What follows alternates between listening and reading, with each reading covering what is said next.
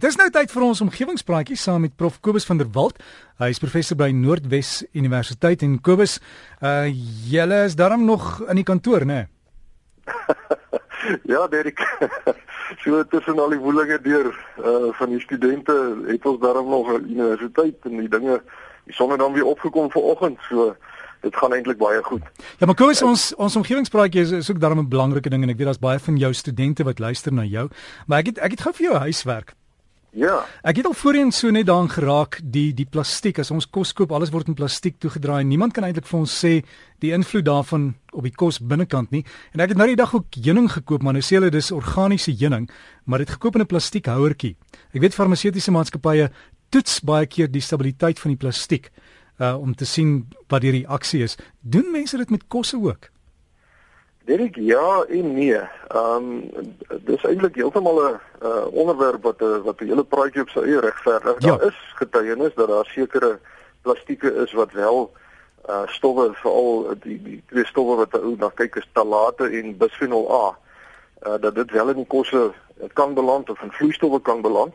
Ehm um, maar nou is daar ander getuienis wat weer sê die konsentrasies is eintlik baie laag sodat 'n mens nie regtig daaroor hoef te bekommerd te wees nie, want die probleem is nou dis kroniese uh, blootstelling wat 'n mens het op die manier. Met ander woorde dis oor jare.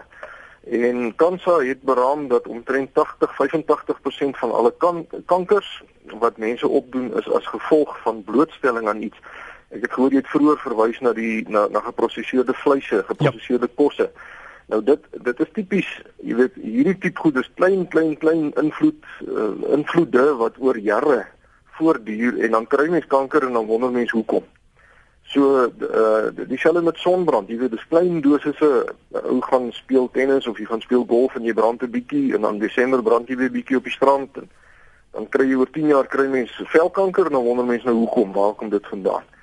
So ehm um, ja, daar is uh, sprake daarvan, maar uh, dit is baie moeilik om dit te bepaal, om dit werklik te kwantifiseer en te sê hierdie ding en daai ding gee nou vir 'n mens kanker of gee vir jou gesondheidsprobleme. Maar Derek, ek hoor ek sal die huiswerk bietjie doen en as daar nuwe inligting is, sal ek dit wel in een van die praatjies bespreek.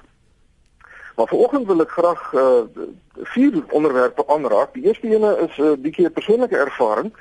Um ek het my ek het 'n huis, ek bly in 'n huis met 'n sinkdak. Nou almal wat 'n huis besit, sal weet dat uh, ouma kort kort bietjie onderhoud aan die huis het. En die dak spesifiek, my sinkdak was nou al so olyfgroen geverf.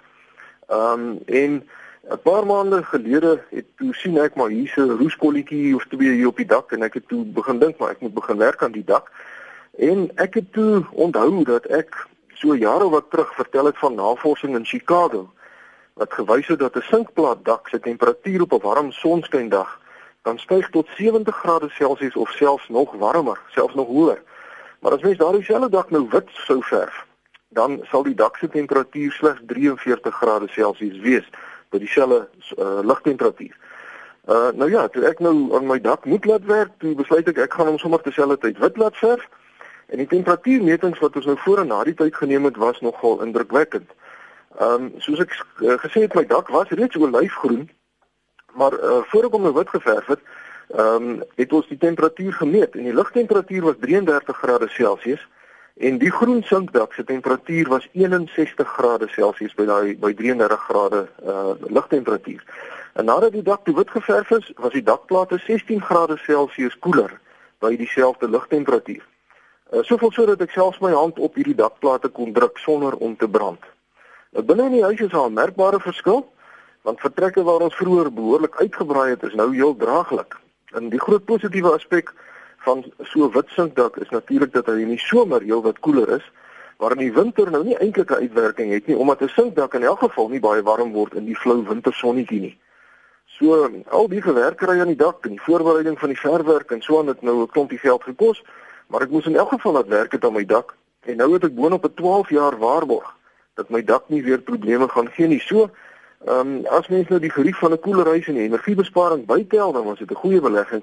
En ek dink dis iets wat al ons omgewingsvriende wat in huise woon wat met sinkdakke uh toegerus is, gerus kan ondersoek. Uh ek kan baie positief getuig daaroor. En dan Dirk, uh, iets heeltemal anders. Ek het 'n uh, navraag ontvang het nou nog gesê van ons studente luister na my. Dit is gelukkig so. Dis nie altyd so in die klas nie, maar lyk my hier vroeg op 'n Saterdagoggend is party studente nogal nuuskierig om te hoor wat sê die ou. Nou meneer Solomon Eriksen is 'n senior student van die Noordwes Universiteit hier op Potchefstroom en hy skryf dat hy deel is van 'n groep wat tans op sosiale media besig is om te gesels oor die 100 jaar ou wrak van die Edward Bolen wat in die Namibwoestyn so wat 400 meter van die see af lê. Nou die vraag is nou, het die waterlyn weggeskuif of bestaan daar 'n soort stiekrag wat die golwe op die strand uitoefen om dan die wrak weg te stoot van die see af na die binneland toe? En indien dit nou wel so gebeur, dan is dit omtrent 'n millimeter per dag wat die wrak dan nou weggestoot moet word van die van die see af. En baie dankie meneer Eriksen vir daardie interessante vraag. Nou as ons na die geskiedenis kyk, die Edward Bolen het net toe die dag breek op 9 September 1909 op 'n sandbank te lande gekom omtrent 500 meter van die strand af naby Conception Bay in Namibië. Toe hy toerusting om diamante mee te ontgin wou gaan aflaai. Nou dit was nog 'n groter geskip. Hy was meer as 100 meter lank en hy was op pad vanaf Swakopmund na Kaapstad toe. En ten spyte van die feit dat die kaptein alles probeer het om die skip van die sandbank af te kry, het die sand die skip vasgesuig en naderhand het hulle geen ander keuse gehad nie as om die skip te ontruim. Maar gelukkig het al 30 mense aan boord dit veilig gemaak strand toe en na net 10 dae het daar soveel sand rondom die skip opgebou dat mense met laagwater van die strand af na die skip toe kon stap. Nou hierdie opbou van sand het voortgeduur sodat die skip net op heeltemal omring was met droë sand.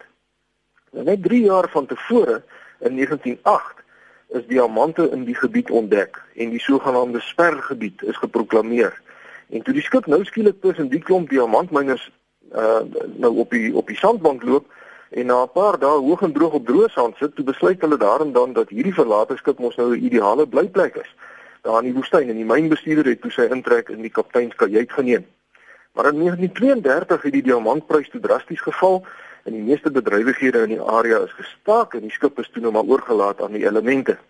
Nou tans lê die wrak omtrent 400 meter van die see af en die antwoord op meneer Eriksen se vraag oor hoe die wrak nou so ver van die water af gekom het, is bloot dat die wind en die sand van die naamlik en die seestrome uh die kuslyn gedurig verander. In hierdie geval het die kuslyn oor 'n tydperk van 100 jaar met amper 'n kilometer geskuif en die gedurende verskuiwing duur voort met die gevolg dat dit wat nou oor is van die wrak oor nog 100 jaar van nou af dalk 2 km van die see af sal lê of dalk selfs terug binne in die see sal lê, wie weet. Daar is egter geen stuwingskrag wat golwe op die sand uitoefen wat die wrak gaandeweg binneland toe dryf nie.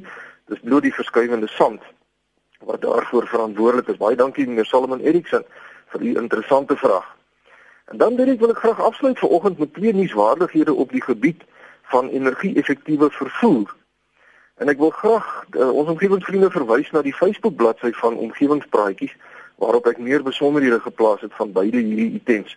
Eerstens is ek baie trots ver oggend op die pikke, die Noordwes Universiteit se Potchefstroom kampus, want ons son-aangedrewe motor wat in Australië aan die wêreld sonkar uitdaging deelgeneem het, het uitstekend gevaar.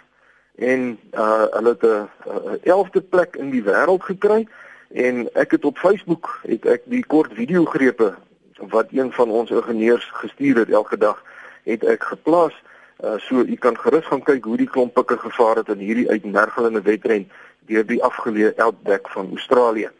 Nou baie geluk aan ons span, die pik is trots op julle.